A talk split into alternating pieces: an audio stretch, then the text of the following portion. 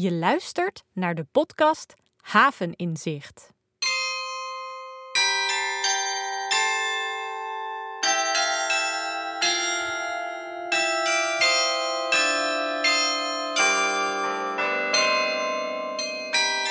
Aflevering 2. Havenaren zijn mensen van ik doe het zelf wel. Leuk dat je weer luistert naar deze podcast over Almere Haven. Mijn naam is Valerie Bos en dit is een podcast van Havenhart 2.0, het platform voor vernieuwing van haven. Er is weer van alles gebeurd. Wist je al dat de Roef vernieuwd gaat worden en ook het oude Albert Heijn-pand aan de Vrijmarkt dat jaren leeg heeft gestaan? Daar komen nu appartementen voor mensen uit de buurt. Vernieuwing in haven is nodig soms omdat iets te oud is en soms omdat onze maatschappij is veranderd. Denk aan ons winkelgedrag. Hoe zat het ook alweer? Afgelopen najaar werkten ruim 200 havenaren samen met een klein team van specialisten om na te denken over haven in 2040. Er was behoefte om één visie voor de lange termijn te hebben voor alle vernieuwing van nu en de komende jaren. Die visie is er nu. Hij is bijna klaar. In deze podcast komen de belangrijkste delen van dat toekomstverhaal aan bod. Hoewel het een beetje gek voelt om nu in deze tijd van een pandemie over de toekomst te praten, is dit misschien ook een moment om na te denken. En om eens te kijken, wat gebeurt er in haven dat de moeite waard is? Ook in de toekomst. En wat gebeurt er in andere steden? Je hoort in deze podcast welke ideeën in de visie zitten. En je hoort havenaren en mensen met ideeën van buiten haven. Ideeën die ook in de wereld na de pandemie zinnig zijn. Havenaren voelen zich eerst havenaar. En dan pas al meerder. In de eerste editie heb ik dat gevoel verklaard uit de magische geschiedenis van dit stadsdeel. Maar luister maar wat havenaren zelf zeggen over het havenaar zijn. De mensen die je hoort zijn achtereenvolgens Hetty van Riesen van de Schaperie, Sander Uiterwijk, havenaar die na een paar jaar elders snel weer terugkwam, en Xamaira Versteeg, leerling op de meergronden. We beginnen dus met Hetty en zij geeft antwoord op de vraag: wat betekent het om havenaar te zijn?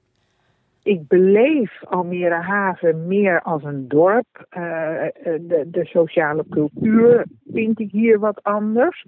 De opzet van de uh, gebouwen, van de woonwijken vind ik hier anders.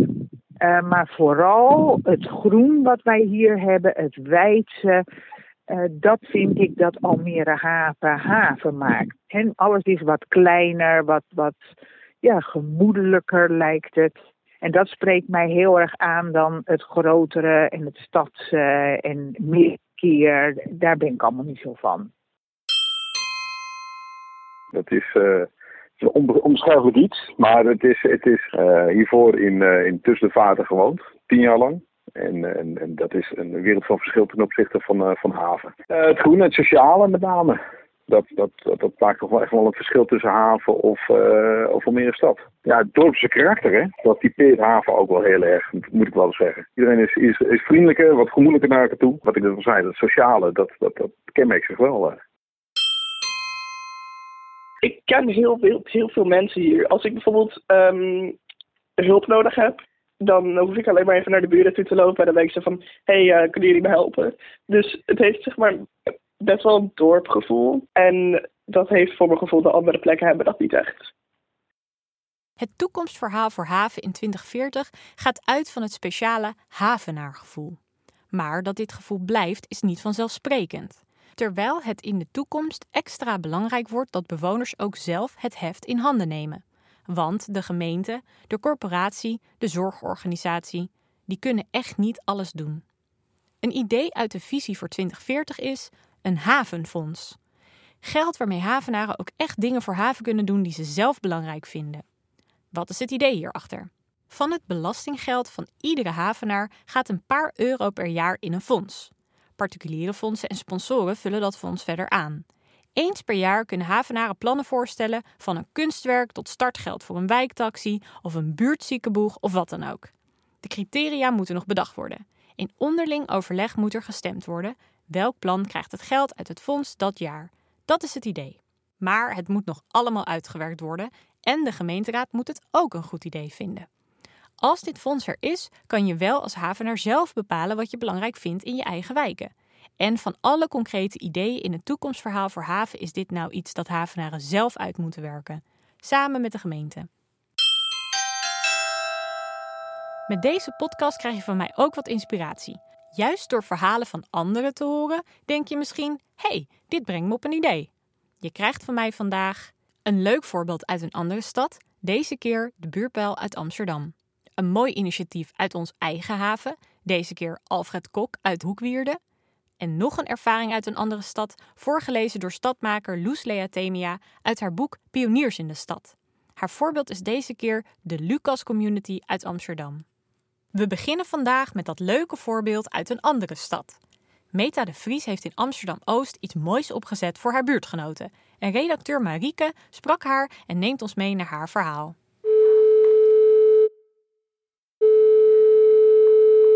Ik ben Meta de Vries. Ik ben bewoner van het uh, Oostelijk Havengebied in Amsterdam-Oost. En initiatiefnemer van de buurtcoöperatie uh, De Eester. En inmiddels ook coördinator uh, daarvan. En een van onze initiatieven is de buurtbel. Oh, en wat is dat, de buurtbel? Ja, de buurtbel, dat moet je zien als een initiatief wat gericht is op, op burenhulp. Maar ik denk, het is wel weer net iets meer dan burenhulp. Van wat wij uh, belangrijk uh, is dat wij hier als bewoners allemaal zo lang mogelijk uh, thuis kunnen blijven wonen. En wat wij hebben gezegd, van dan is het nodig dat er burenhulp is, maar ook van dat wij daaromheen netwerken creëren. Dus dat er netwerken ontstaan. Dus het gaat om het matchen, dus vragen van mensen koppelen aan een, aan een buurtbewoner. Het gaat om het creëren van netwerken. En wat heel belangrijk is, samenwerking met de zorgprofessionals.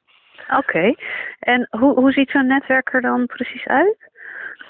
Nou, je moet uh, je voorstellen wat we nu bijvoorbeeld in deze coronatijd uh, hebben wij uh, een oproep gedaan. Nou, daar hebben zo'n 75 mensen die hebben gereageerd ook van, van nou, we willen wat doen.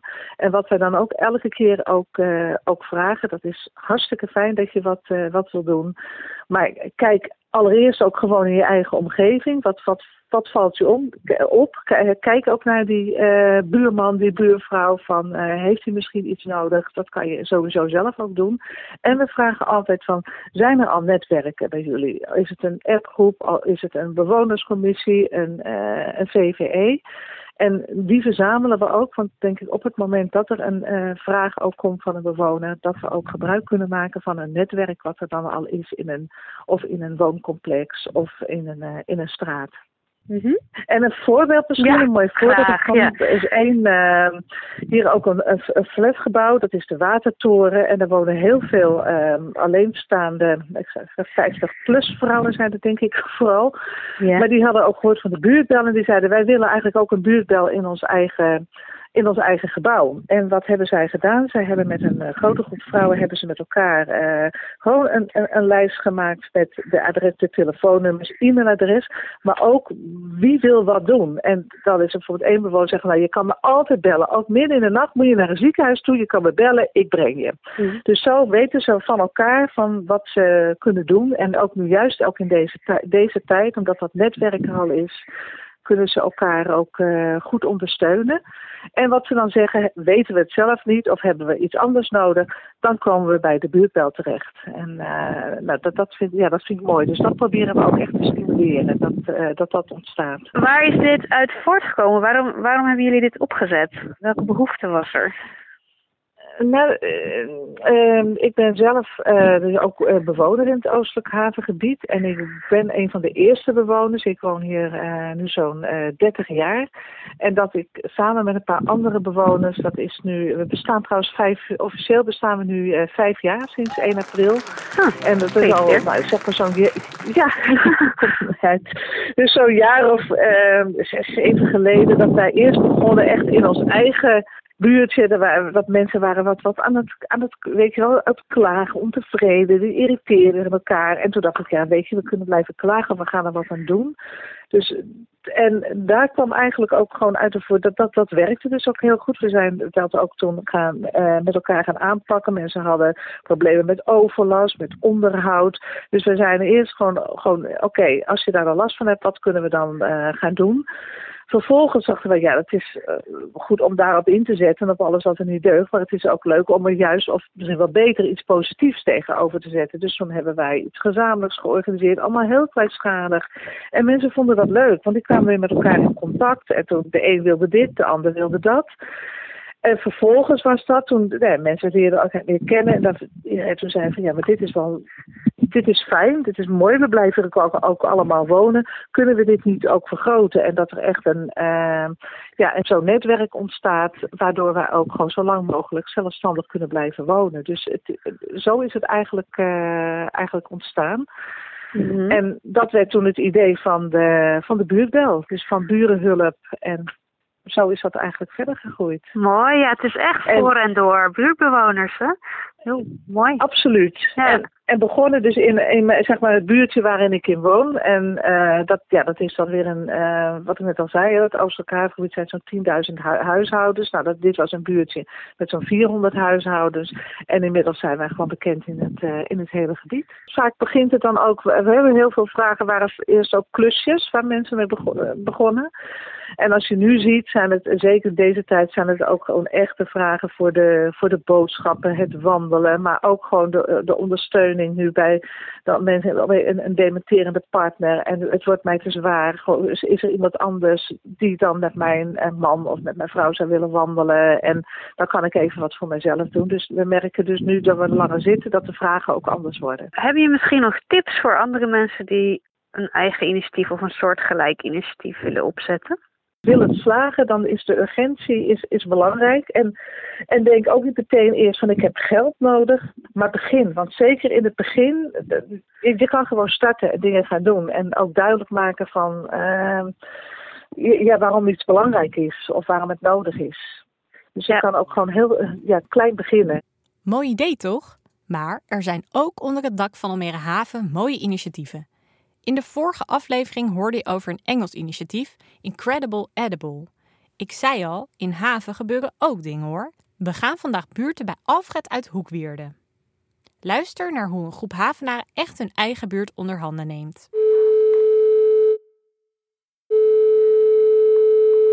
Mijn naam is uh, Alfred Kok. Ik woon al zo'n 40 jaar, ruim 40 jaar in Almere. In Almere Haven zeker dan altijd even expliciet bij. En ik ben getrouwd met een, een pionier die al in maart 78 in Almere Haven is komen wonen. En uh, ja, wij zijn inmiddels verhuisd uh, naar een, wat toen een oase van groen was, de Hoekwierde. En wat zie ik als ik door de Hoekwierde loop of fiets? Wat kom ik al tegen? Ja, een kwaliteit groen die de gemeente niet kan aanbieden, zeg ik altijd. Wij zetten hier planten en struiken neer in, in borders, omdat we ze ook zelf onderhouden die eigenlijk ja, voor de gemeente niet te onderhouden zouden zijn, ook om dat te doen. Dat is heel begrijpelijk. Het, is wel, het ziet er netjes uit, het ziet er schoon uit. We hebben weinig of geen zwerfafval uh, in de buurt. Dat wordt regelmatig schoongemaakt. Stoeptegels liggen recht, want ook dat doen we zelf. De lichtarmaturen zijn schoongemaakt, want ook dat doen we zelf. Uh, er loopt zelfs een, een wandelroute doorheen, wat heel, heel, heel uh, markerend is voor de wijk, is dat er diverse routes zijn met een informatiebord over vogels in de wijk, de vlinders in de wijk, de plantjes in de wijk en de struiken en de bomen in de wijk. Ook die wandelroute wordt regelmatig onderhouden. Het is ook een, een beetje een paradijs om, om te mogen en kunnen wonen hier. Kan je iets vertellen over het initiatief in de Hoekwierde? EZH, wat is dat? En waar staan de letters voor? Ja. Oké, okay. nou, de letters staan voor Experiment Celbeheer Hoekwierde. Daar ga ik straks nog wel iets meer over vertellen. Maar het kent ook een beetje een voorgeschiedenis. Is eigenlijk uh, in 19 96 schets ik zo een beetje, is dat er uh, diverse wijken in de wierde bij elkaar kwamen en met elkaar de uitdagingen in de wijk deelden. En samen met wat buren hoorden wij verhalen over wat misstanden in de wijken die wij helemaal niet kenden. En ons grootste probleem was het, uh, het groenonderhoud. Dus wij schaamden ons een beetje in die setting om er iets uh, over te zeggen. We hebben dat wel mee teruggenomen eigenlijk naar de buurt toe waar wij wonen, naar de Hoekwierde. En hebben toen gezegd, ja weet je, wij gaan zelf gewoon een beetje wat meer doen aan de straat. Dus schoonhouden, spulletjes opruimen, misschien wat overhangend groen. En we waren eigenlijk in afwachting van het groot onderhoud van de gemeente. En dat werd helaas uitgesteld. En dat duurde best wel een aantal jaren.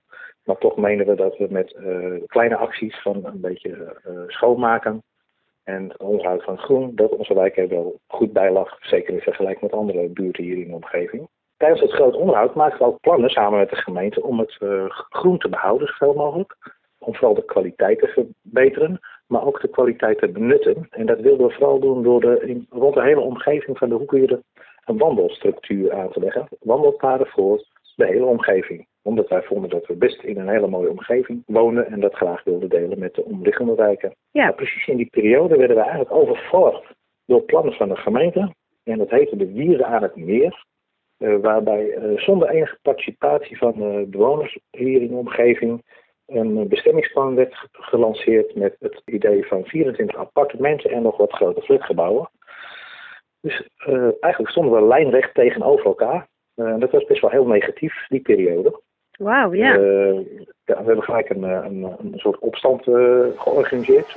Omdat we elkaar goed kenden van het gemeenschappelijk onderhoud van wat door barbecues.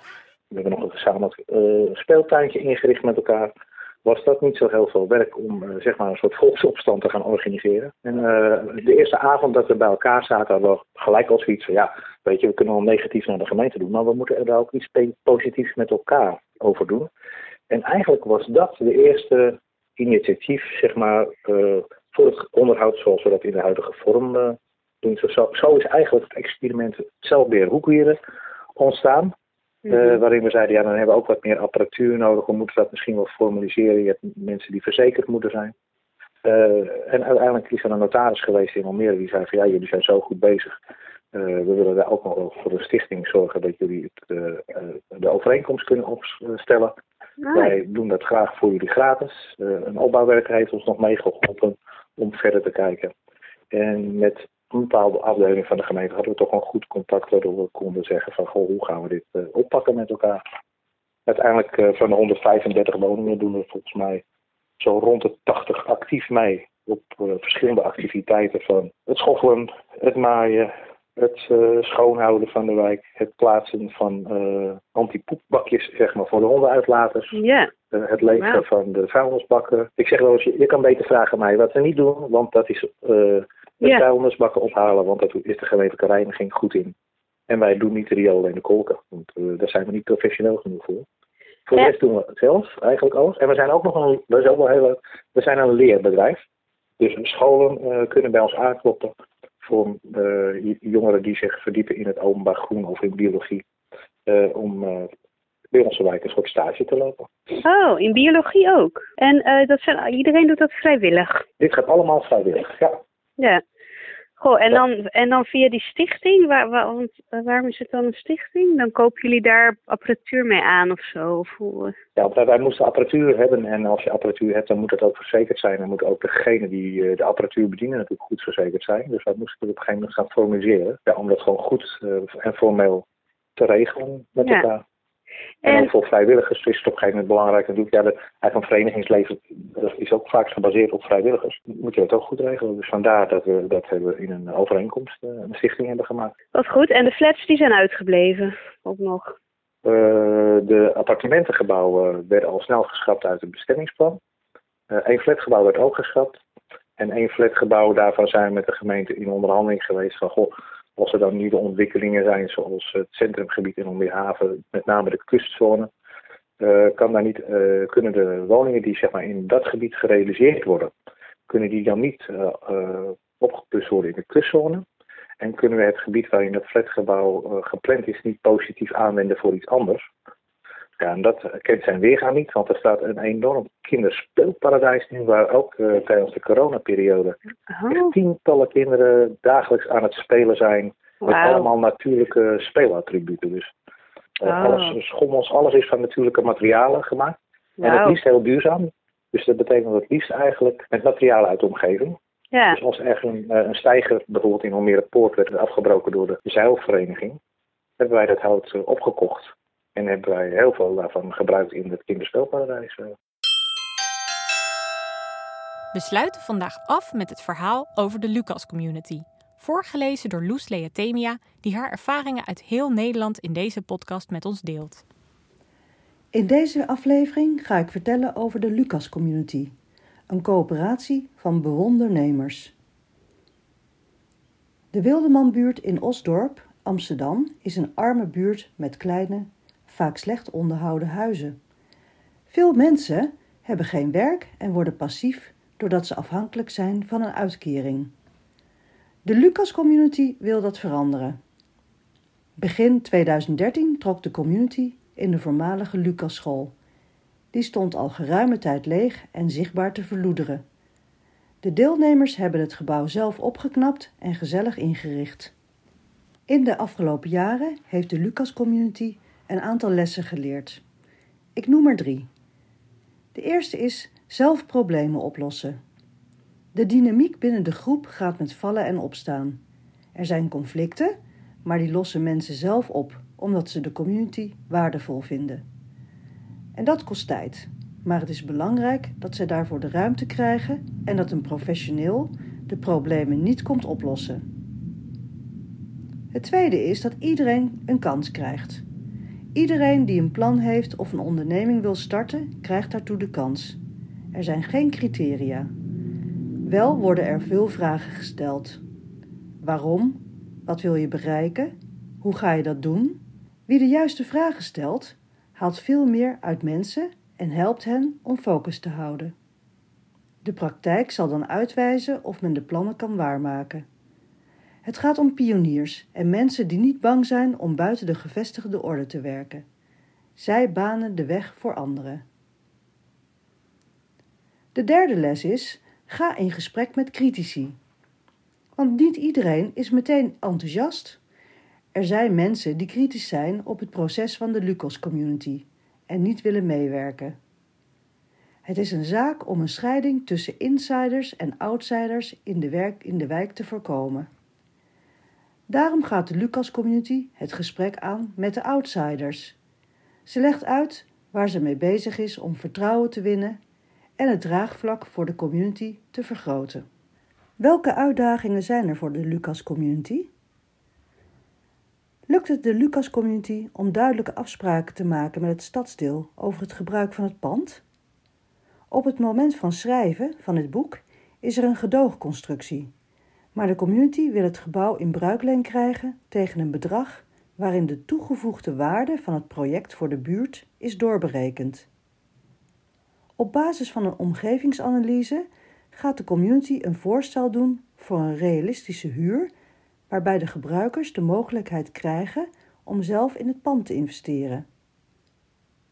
Een andere uitdaging is of de ondernemers erkend worden als professionele aanbieders van waardevolle diensten. Krijgen zij de kans om opdrachten te verwerven in de zorg, groenbeheer en onderhoud. Dat was het weer voor vandaag. In de volgende aflevering vertel ik je iets over het idee van een wijkonderneming in haven.